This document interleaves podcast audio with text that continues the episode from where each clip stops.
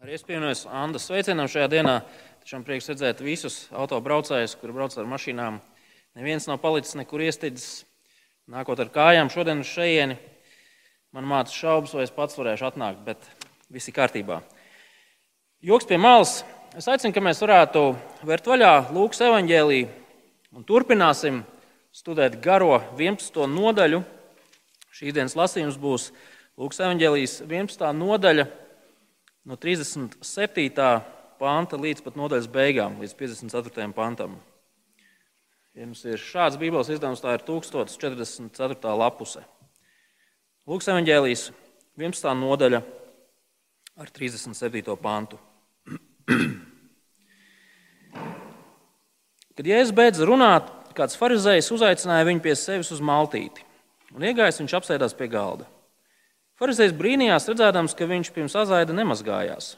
Un kungs tam sacīja: Tagad jūs, farizēji, šķīstiet kausu un bļodas ārpusi, bet jūsu iekšpuse ir pilna alkatības un ļaunuma.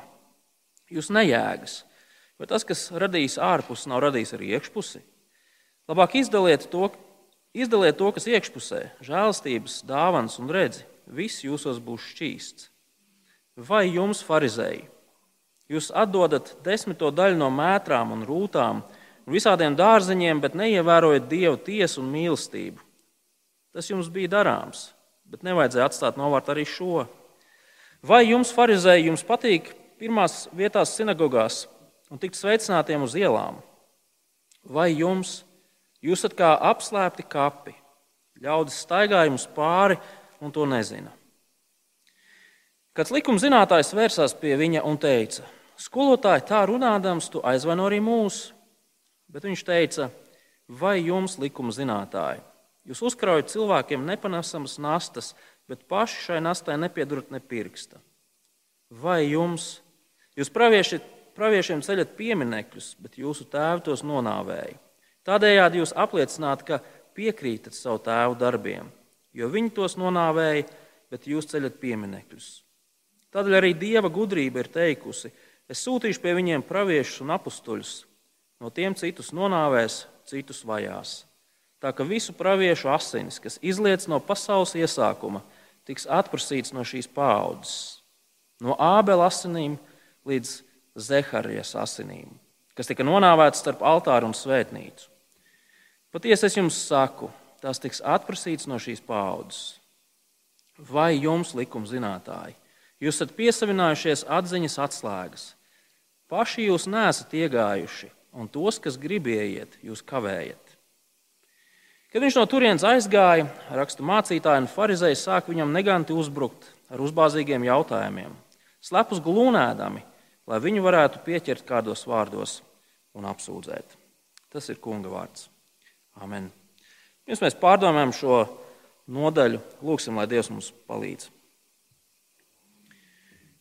Rakstos ir teikts, ka svētīgs ir tas cilvēks, kurš dienām un naktīm Dievu vārdu pārdomā. Tāds līdzinās kokam, kas stādīts pie ūdens upēm, kas augļus nes īstajā laikā. Tēvs, mēs lūdzam, lai šajā pēcpusdienā, domājot par Tavu vārdu, mēs pieaugtu tā izpratnē. Un mēs lūdzam, lai mūsu dzīve būtu piepildīta ar labiem augļiem, ko nes Tavu vārda izdzīvošana. Amen! Tad, kad zinātne, tehnoloģijas plauka un zēla, tad um, bija daudz cilvēku, kas teica, nu gan ir pienācis gals pielikt punktu visiem māņiem, proti, reliģijai. Reliģijas tas ir noiets etaps. Taču pārsteidzoši, ka pēdējās desmitgadēs šis apgalvojums ir bijis ļoti, ļoti nepareizs. Jo arvien vairāk un vairāk pētījumu atklāja to, ka cilvēks ir kļuvis arvien reliģiozāks. Cilvēks ir reliģiska būtne, reliģioza būtne. Mēs visi cilvēki meklējam kaut ko lielāku, kaut ko tādu, kas ir visaptverošs, kaut ko tādu, kas spēj izskaidrot ne tikai visumu, bet arī mūsu eksistenci šeit, mūsu mērķi, nodomu, nolūku, to, kas mums ir jādara. Un, draugi, mums jau nevajadzētu būt pārsteigtiem par to pareizi. Tāpēc, ka Bībele saka, ka šajā pasaulē nav neviena cilvēka, kurš nezinātu to, ka Dievs ir. Tas, ko cilvēks dara ar šīm zināšanām, tas ir cits jautājums, un tam mēs šajā dienā nepievērsīsimies. Taču ne visas reliģijas, ne visas reliģiozās darbības mūs patiesībā aizved pie Dieva. Un tieši tas ir tas, ko mēs redzam arī aprakstītu šīs dienas sarunās, kur Jēzus ir ieradies pie kāda farizēja uz vakariņām. Un šīs vakariņas sākas ar tādu neveiklu brīdi, pareizi. Jēzus atsakās pildīt to, kas bija tajā laikā ierasts, viņš nemazgāja rokas. Un šīs vakariņas beidzās ar kaut ko ļoti traģisku, kaut ko ļaunu. Proti, Pharizēji un rakstu mācītāji, jeb likuma zinātāji pēc vakariņām sāka plānot un schēmot, kā tad šo jēzu varētu nest tiesas priekšā, lai reiz par visām reizēm viņu varētu apklusināt. Un tas lielais jautājums, kāpēc, no kurienes tas ļaunums šajās, šo cilvēku sirdīs un prātos ir radies? Kā to izskaidrot? Un lūk, šajā raksturvietā parāda to, kāpēc tā laika reliģiozās autoritātes, farizēji, rakstu mācītāji, likuma pazinēji, kāpēc šai reliģiskajai un sabiedrības elitei Jēzus bija kā dārdzis acī. Un iemesls ir ļoti šokējošs, bet savā būtībā vienkāršs. Proti, šo cilvēku radītā reliģija bija pretrunā, jeb pretēja tam, ko Dievs bija par sevi atklājis. Šo cilvēku reliģija viņus un pārējos sekotājus veda nevis tuvāk dievam, bet no dieva tālāk. Šīs reliģijas pamatā bija cilvēku radīti likumi, noteikumi, priekšraksti, nevis tas, ko pats dievs bija atklājis par sevi un savu pielūgšanu. Un mēs, kā lasītāji, esam aicināti skaidri ieraudzīt to, ka jebkura reliģija, jebkura filozofija, jebkura, nezinu, dzīves skolotāja mācība, kas balstās cilvēku radītos noteikumos un likumos, mūs nevis tuvinās dievam, bet vedīs no dieva prom. Draugi, farizēji un, un rakstu mācītāji, viņi gribēja būt tuvāk dievam. Viņi gribēja pazīt Dievu, viņi gribēja Dievam būt patīkami, viņi gribēja kalpot Dievam. Taču mēs redzam, ka viņu radītā reliģija viņus ved pretējā virzienā. Vēl vairāk, viņu radītā reliģija viņus padarīja nevis Dievam tīkamus, bet par Dieva ienaidniekiem. Kāpēc mēs tā varam teikt? Nu, skatieties, ko viņi grib darīt ar Dieva sūtīto glābēju. Viņi grib viņu nogalināt. Un pantos, kas ir mūsu acu priekšā šajā dienā, Jēzus atmasko šāda, šādas cilvēku radītās reliģijas problēmu. Viņš skaidri parāda to, ka tā ir ne tikai muļķīga, nesakarīga, bet patiesībā ļoti bīstama. Un to darot, Jēzus pastarpināti māca savus klausītājus un arī mūs par to, ka patiesa augšana attiecībās ar Dievu ir ir iespējama tikai un vienīgi tad, kad cilvēki turās un paliek pie tā, ko ir atklājis pats Dievs. Draugi, ir ārkārtīgi svarīgi saprast šo lietu, jo mēs visu laiku, katru dienu, nepaiet ne, ne nedēļa, kad mēs nebūtu bombardēti no dažādām pusēm ar lekcijām, grāmatām, podkāstiem un, un zelta rāmīšos ieliktiem citātiem Facebookā kas nāk no cilvēkiem, kuri vēlas mūs vest tuvāk Dievam, kuri vēlas mūs, mums palīdzēt pieaugt, mums palīdzēt nobriest. Taču mums jābūt ļoti gudriem ar visu to, ko mēs dzirdam, ko mēs lasām, ko mēs redzam. Jo ir reliģiozas izpausmes, ir reliģiski uzskati, kas mūs ved nevis tuvāk dievam, bet tālāk no dieva. Jēzus šajā raksturvietā skaidri saka, ik viena reliģija, ik viena sistēma, ik viena filozofija, kas balstās tikai un vienīgi cilvēku izdomātos noteikumos, likumos, priekšrakstos, ir ļoti bīstama. Mums ir jābūt piesardzīgiem. Un tieši tādēļ mēs nedaudz sīkāk aplūkosim šo nodaļu, šo raksturvietu, pareizāk sakot, kurā Jēzus uzrunā divas cilvēku grupas.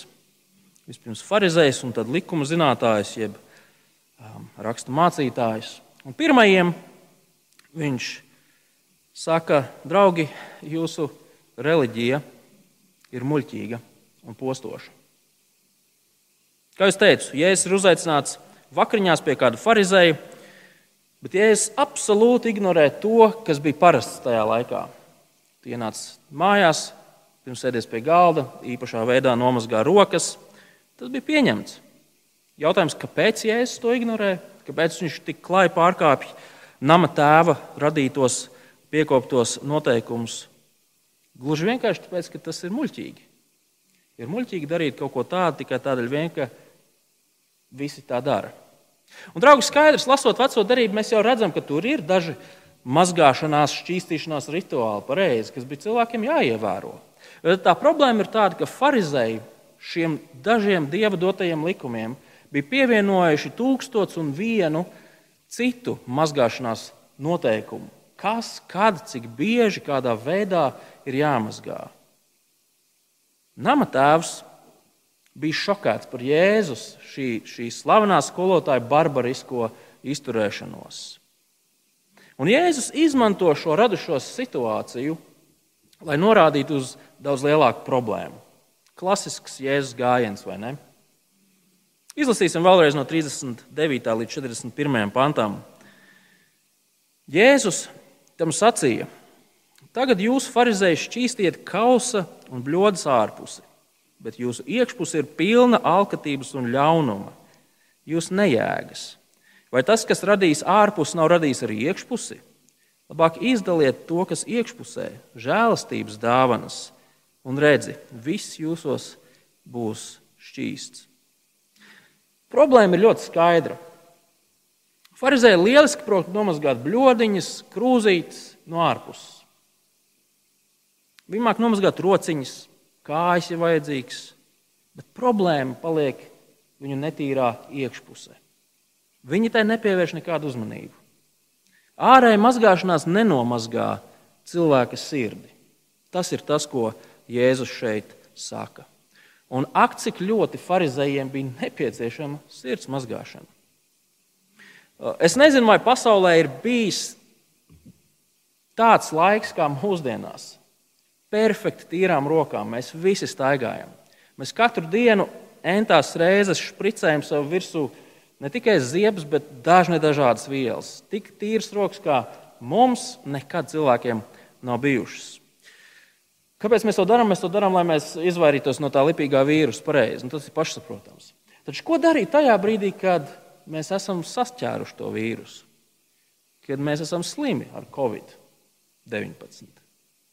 Draugi, mēs visi zinām, ka roku mazgāšana neko vairs nelīdzēs pareizi. Mums ir jāārstējās, lai mēs to vīrusu, kā Latvijas saka, dabūtu ārā no savas sistēmas. Mēs varētu visu dienu gulēt ziepju burbuļu vannā. Tas nelīdzētu. Pharizējiem likās, ka viņu reliģiskās izdarības, tas, ka viņi ievēroja paši savus radītos likumus, noteikumus, viņus padarīja par svētiem, par morāli taisniem cilvēkiem uz visu pārējo fonu. Bet Jēzus norāda uz viņu sirdīm. Un ko mēs redzam viņas sirdīs? Tas ir alkatības un ļaunuma pilnas. No alkatības un ļaunuma nav iespējams atbrīvoties vienkārši mazgājot rokas. Un Jēzus viņus nosauc par nejēgām, par muļķiem, jo viņi nesaprata to, ka Dievam rūp ne jau tikai tas ārējais, kā mēs izskatāmies ārēji, bet gan tas, kas notiek cilvēka iekšienē. Dievu interesē tas, kas notiek cilvēka sirdī. Kāda jēga no likumiem, noteikumiem, āršķirīgās ņemšanās, ja sirdī mājo ļaunums? Kāda jēga mainīt uzdevību, uzvedību, ja sirds paliek nemainīta? Un tālāk Jēzus šo iekšējo problēmu izgaismo, ja tā var teikt, ar trim piemēriem. Un visi šie trīs piemēri sākas ar šo, šo biedējošo vai jums, 42. pants, vai jums, farizē, 43. pants, vai jums, Pharizēja 44. pāns. Vai jums? Nu, ja mums reizēm ir cilvēki, kuriem, kuriem ir vajadzīgi kādi atslēgas vārdi, lai viņi varētu atcerēties kādas lietas, šos trīs piemērus mēs varētu nosaukt ar trim skanīgiem vārdiem - Dilles, Instagrams un Kaps. 42. pāns. Vai jums, farizēji, jūs atdodat desmito daļu no mētrām un rūtām, jeb dillēm un visādiem dārzeņiem, bet neievērojat dieva tiesu un mīlestību? Tas jums bija darāms, bet nevajadzēja atstāt novārtā arī šo. Ja es saku, farizēji, jūs mazdārziņa īpašnieki, jūs no visa, kā jūs izaudzējat dilles, pētersīļu, vispārējais, kāļi, bietas un citi dārzeņi, jūs no tā visa nesat desmito tiesu. Un tas ir pareizi. Pienākās no visa, ko jūs, ko jūs iegūstat, ko jūs izaudzējat, atnest dievam desmito tiesu uz templi. Un šī desmitā tiesa tiek izmantot, lai atbalstītu tos, kas ir nonākuši trūkumā, kas ir nonākuši nabadzībā, kas, kas ir piedzīvojuši dažādas uh, likstas, kas šajā dzīvē gadās. To farizēji dara ļoti cītīgi. Taču ir viena problēma. Viņu sirds neinteresējas par nabagiem. Viņu sirdī nepastāv ilgas pēc tā, lai tiešām dieva taisnība īstenotos šajā pasaulē. Viņos nav mīlestība uz Dievu. Kā mēs to varam pateikt? Mīlestība uz Dievu parasti izpaudās rūpēs, mīlestībā par saviem tuvākajiem. Nekā no tā farizējos nav. Tā vietā viņiem patika nākt ar šīm zaļajām buķetēm, pētersīļiem un dillēm, lai visi redz, ko viņi ir atnesuši uz templi. Bet patiesas mīlestības viņu sirdī nebija. 43. pantā ir nākamais piemērs. Vai jums, farizēji, jums patīk pirmajās vietās sinagogās būt un tikt sveicinātiem uz ielām? Pharizējiem patīk būt pamanītiem, patīk būt slaveniem. Viņiem patīk grozīties un gozēties cilvēku priekšā. Viņi ir tie, kas skrien visur, tur, kur notiek fotografēšanās. Viņi ir tie cilvēki, kas katru dienu publicē bildes no savas ikdienas Instagram līdz vemšanai. Viņi ir tie, kuri katru dienu skatās, cik laikus ir piespieduši cilvēki viņu stāstīņiem, viņu bildītēm, viņu visam, ko viņi vien dara zinām. Es biju viņus kariķēju, bet tie ir tādi veidi cilvēki. Pharizējiem viss griežas ap viņiem pašiem. Viņi paši ir visa centrā. Vai cilvēki mūs pamana? Vai cilvēki mūs ievēro? Vai viņi redz to, kādi mēs esam, kādas ir mūsu dzīves, mūsu ģimenes un vispārējais, kas mums notiek? Viņi ir apsēsti ar sevi. Un trešais piemērs ir kaps. Vai jums, jūs esat kā apslēpti kapi, ļaudis staigā jums pāri un to nezina? Jūdiem, tāpat kā daudzās citās reliģijās un kultūrās, pastāvēja ļoti stingri noteikumi un nosacījumi attiecībā uz mirušajiem. Jūds, pieskaroties mirušam cilvēkam, dzīvniekam, viņš kļuva reliģiski nešķīsts, dievam nepieņemams. Viņam bija jāaiziet šie šķīstīšanās rituāli, viņš atkal varētu atgriezties sabiedrībā. Un Jēzus saka, ka farizēji ir kā šie staigājošie kapi. Tā laika kultūrā kapi bija jāapzīmē speciāli, lai cilvēks nejauši neuzkāptu, nepieskartos, nepakluptu aiz kaut kāda kapakmeņa. Bet šie cilvēki ir kā tādi staigājoši, apslēpti kapi. Ko tas nozīmē? Cilvēkiem likās, ka farizēju demonstrētais reliģiskums viņus padarīja par svētiem dievam pieņemamiem cilvēkiem. Un cilvēki centās sekot šiem farizēju reliģiskumam. Un Jēzus saka, cilvēki sakojot jums, īstenībā kļūst par tādiem, kas no dieva attālinās, par nešķīstiem, ja mēs varam izvēle, iz, izmantot šo vārdu.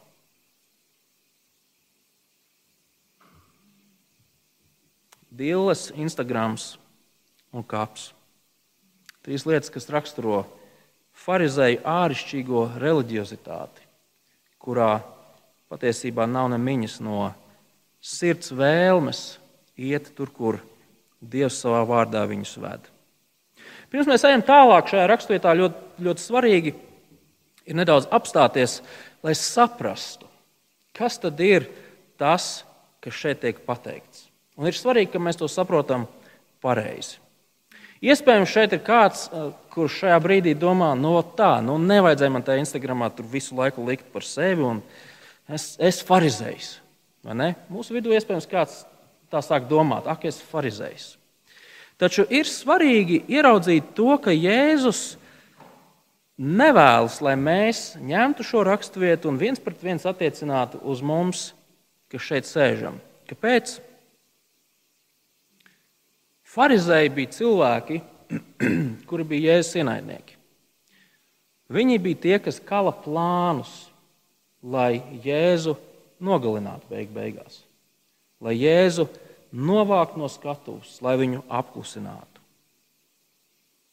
Draugi, mēs neesam šādi cilvēki. Mūsu mīlestība uz Jēzu, mūsu paklausība Jēzum, protams, ir nepilnīga. Taču neviens no šeit klātesošiem nevēlas Jēzu apklusināt.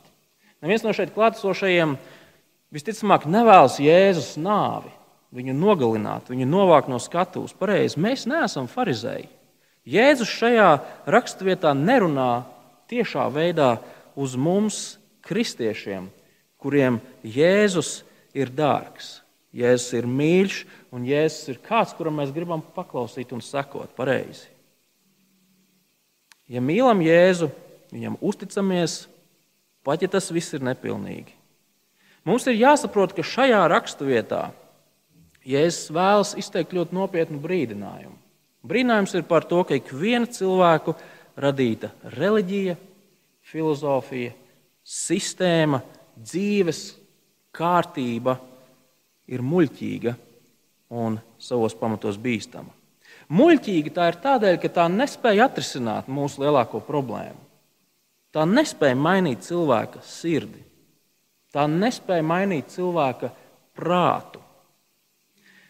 Un bīstama tā ir tādēļ, ka bieži vien mums liekas, ka tas palīdz.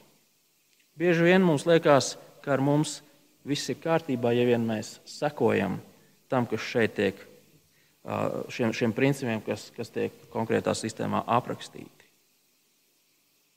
Līdz ar to mums, kā kristiešiem, mums ir jāuzmanās, jābūt uzmanīgiem ar to, kas ir tas, ko mēs klausāmies savā ikdienā. Kas ir tie skolotāji, kuru grāmatas mēs lasām, kuru lekcijas mēs, uh, mēs klausāmies. Ne viss kas mums tiek solīts, mūs tuvinās Dievam. Tas ir tas nopietnais brīdinājums, ko Jēzus izsaka kristiešiem. Un nav jau runa tikai par reliģijām. Mēs jau kā kristieši mēs bieži vien sakām, skaidrs, ka citas reliģijas no tām tālāk pa gabalu. Taču tik bieži mēs esam gatavi iedziļināties un pārāk nopietni uztvert to, ko saka dažādi sekulāri filozofi un domātāji. Es viņus pat varētu saukt par dzīves skolotājiem. Nu, piemēram, pēdējos pāris gados slavens ir šis kanādiešu psihiatrs Jordans Petersons. Viņš ir sarakstījis grāmatu 12 likumi dzīvei, pretinde pret haosu. Draugi, tā ir ļoti laba grāmata. Es viņas lasīju, es zinu, ka šeit vēl ir cilvēki, kas ir lasījuši. Šī grāmata ir pilna ar 12 vienkāršiem, varbūt ne viegliem likumiem par to, kā šajā dzīvē, dzīves haosā radīt sakārtotu dzīvi sev un patiesībā arī visā sabiedrībā. Tā ir laba grāmata. Martā laikam iznāks otrā daļa. Es izlasīšu arī otro daļu. Taču ar šo grāmatu ir viena fundamentāla problēma. Par spīti visam labajam, tiem labajiem ieteikumiem, noteikumiem, ko autors saka, šai grāmatai ir viens milzīgs trūkums. Tajā tiek piedāvāta, piedāvāts cilvēku izdomāts problēmas risinājums. Autors uzskata, ka ar dažiem noteikumiem varēs izlabot to, kas atrodas cilvēces problēmas pašā, pašā pamatā. Autors piedāvā ar noteikumiem un likumiem atrisināt to, ko ar noteikumiem un likumiem nevar atrisināt. Principā. Un, ja es teiktu, šāds pasaules skatījums ir bīstams, tas rada ilūziju, ka iespējams viss ar mani būs kārtībā. Un, draugi, nav svarīgi, vai tas būtu Petersons ar savu skatījumu uz lietām, vai tā būtu kāda cita pasaules reliģija. Jēzus saka, ka viss tas, kura pamatā nav turēšanās pie tā, ko Dievs pats par sevi ir atklājis, viss tas ir kā tāda slidena taka, kā slidena ietve janvāra mēnesī šeit Rīgā. Draugi, cilvēkiem ir nepieciešams izmainīt savu sirdi. Un tad mainīsies arī viņa uzvedība. Nav iespējams mainīt savu uzvedību. Tas līdzinās kā plāksteru lipināšanai situācijā, kurā ir vajadzīga sirds operācija. Ja es saku, būsim ārkārtīgi piesardzīgi. Neuzķersimies uz dažādu autoru, skolotāju, reliģiju sludinātajiem ārējiem likumiem un noteikumiem. Būsim piesardzīgi. Tas, ko Jēzus saka farizējiem, liek sausīties vēl vienai cilvēku grupai, kas bija klātesoši šajās vakariņās. Tieši rakstu mācītāji, jeb likuma zinātāji. Un tas ir šīs dienas otrais punkts.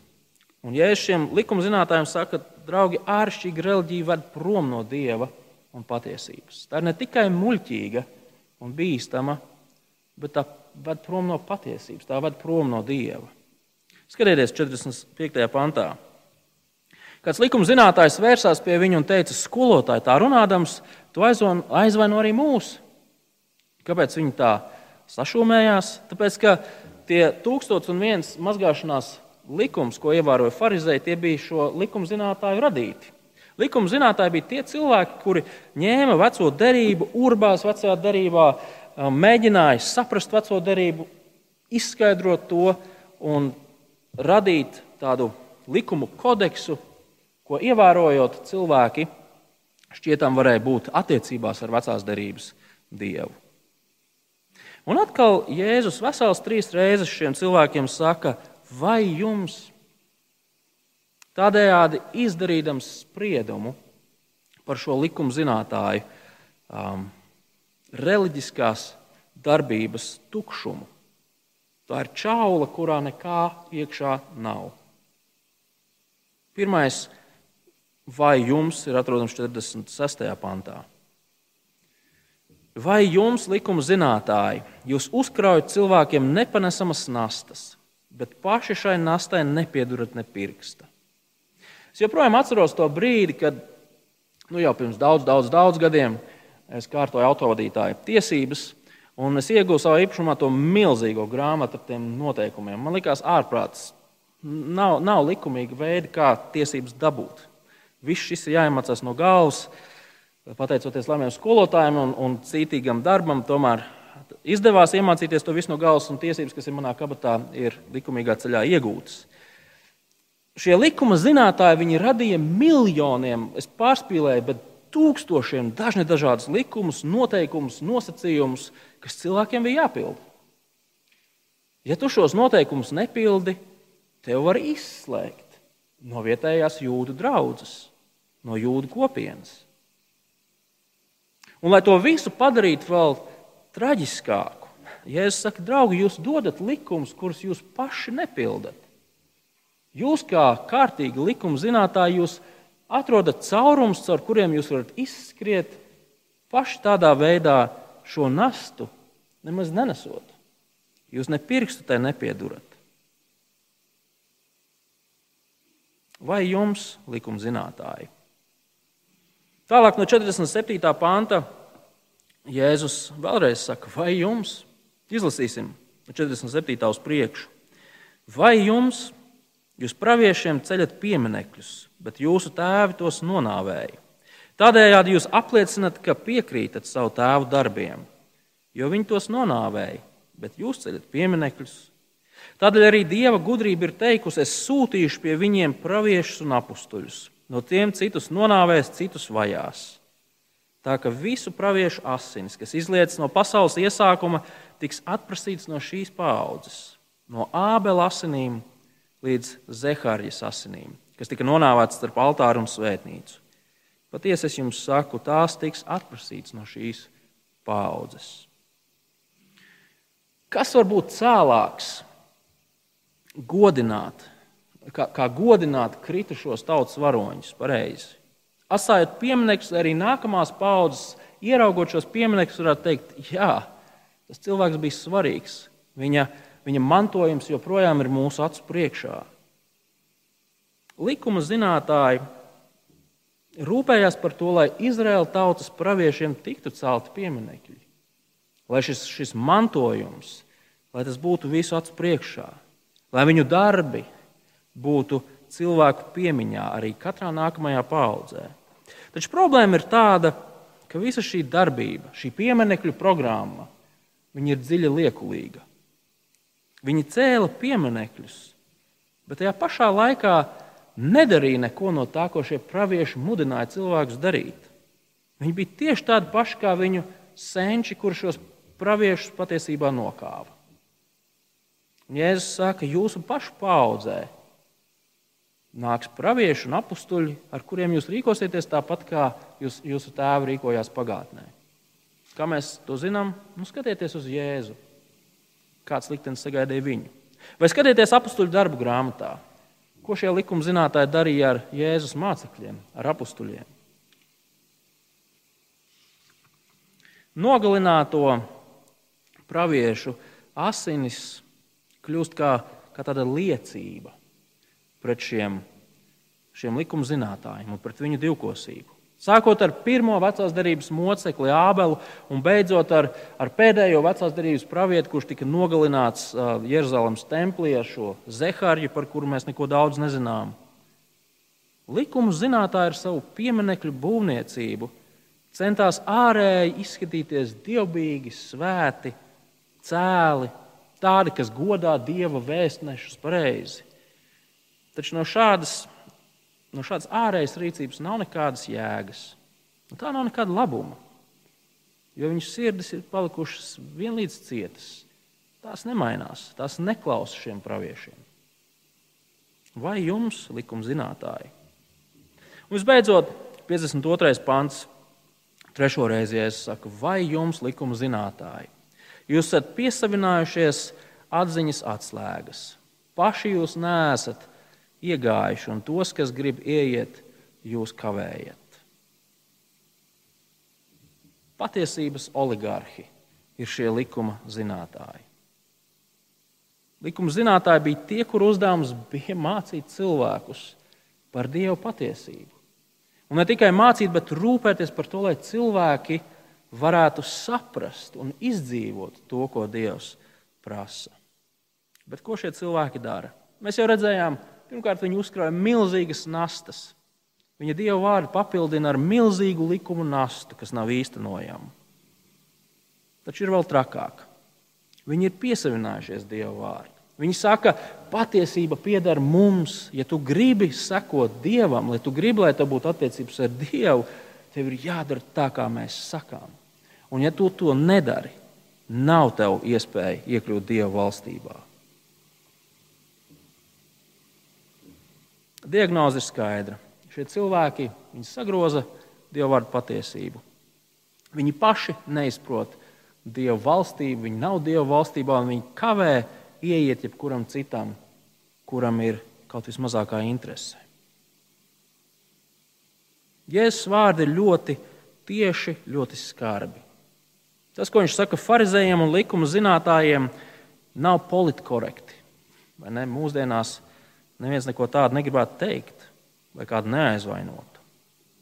Bet Jēzus ļoti skaidri un skarbi parāda patiesību par to, ka šāda ārēja, likumos balstīta, noteikumos balstīta cilvēciska reliģija, tā ir tukša.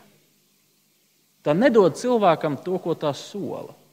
Tā ir muļķīga. Tā neatrisina cilvēku lielāko vajadzību. tā ir bīstama. Miers ar Dievu cilvēkam joprojām nav. Gan farizēji, gan likuma zinātāji bija sava laika zinošākie, gudrākie, skolotākie, veiksmīgākie, ietekmīgākie sabiedrības cilvēki. Taču tas, ko viņi praktizēja, bija šī āršķirīgā reliģiozitāte, šis šovs, kas cilvēkus netuvināja dievam. Viņa radītie noteikumi, likumi nemainīja cilvēku sirdi. Viņa ārējā dievbijība, viss tas, ko viņi darīja, sākot ar roku mazgāšanu un pieminiektu celšanu, tas viss tikai pievīla cilvēku. Jēzus vārdi mūs aicina uzmanīties no jebkuras cilvēku radītas reliģijas, filozofijas, dzīves skolas, kas sola mūs vest tuvāk dievam, bet neliekot paša dieva atklāto vārdu centrā. Un šis brīdinājums, šī raksturvieta, šis brīdinājums, šie nopietnie vārdi met izaicinājumu ikvienam cilvēkam, kurš nesako Jēzumam. Un vienlaikus šis brīdinājums izsaka milzīgu iedrošinājumu ikvienam cilvēkam, kurš Jēzum seko. Pirmkārt, šis ir milzīgs izaicinājums cilvēkiem, kuri Jēzum netic un viņam neseko. Redziet, Jēzus šajā pasaulē ir nācis tieši tāpēc, ka cilvēks pats saviem spēkiem, likumiem vai bez likumiem, nespēja atrisināt savu lielāko dzīves problēmu. Viņš nespēja tikt galā ar grēku. Un grēks ir tas, kas mums liedz tuvoties Dievam. Ja grēks ir ceļā, mūsu ceļā, kad mēs ejam pie Dieva, mēs nevaram aiziet pie Dieva. Tad, kad Jēzus sāka savu kalpošanu, vienā no pirmajām epizodēm, piektajā nodaļā, viņš aicināja kādu muitnieku vārdā Levijs. Muitnieki tajā laikā bija neganti cilvēki, un, un citiem viņi nepatika tādēļ, ka viņi bija krāpnieki un, un, un negodīgi, var, varētu pat teikt, jūdu tautas nodevēji. Bet tad, kad cilvēki izrādīja šoku, patiesu šoku par to, ko Jēzus dara, aicinot šo muitnieku sekot sev, klausieties, ko Jēzus teica. Lūks evanģēlijas 5. nodaļa, 31. un 32. pāns. Veseliem ārsta nevajag, bet gan slimajiem. Nevis taisnos esmu nācis aicināt atgriezties no grēkiem, bet grēciniekus. Jēzus ir nācis pie slimajiem. Un šo slimību sauc grēks. Grēks mūs šķir no dieva. Šo kaitu un problēmu nevar atrisināt ar roku mazgāšanu, ar meditāciju, ar savas istabas sakārtošanu. To nevar atrisināt ar došanos svētceļojumā uz aglonu, ar gaļas nēšanu piekdienās, Islāms, budisms, rietumu dažādas filozofijas, ateisms, latviešu dievturība. Neviena no šīm sistēmām nespēja cilvēku izglābt no viņa grēka Dieva priekšā. Jā, iespējams, ka daudz no šīm mācībām un filozofijām rada ārēju, ārēju dievbijību, palīdz varbūt kādas lietas savā dzīvē sakārtot, bet tā netiek galā ar cilvēku sirds ļaunumu. Neviena no tām netiek galā ar cilvēku sirds ļaunumu. Bet tieši cilvēka sirds ļaunums ir tas, kāpēc Jēzus nāca. Jēzus nāca, jo tas ir vienīgais veids, kā atrisināt šo problēmu. Cilvēkam, kurš lasa šos pantus, vajadzētu dzirdēt Jēzus aicinājumu: Nāc pie manis!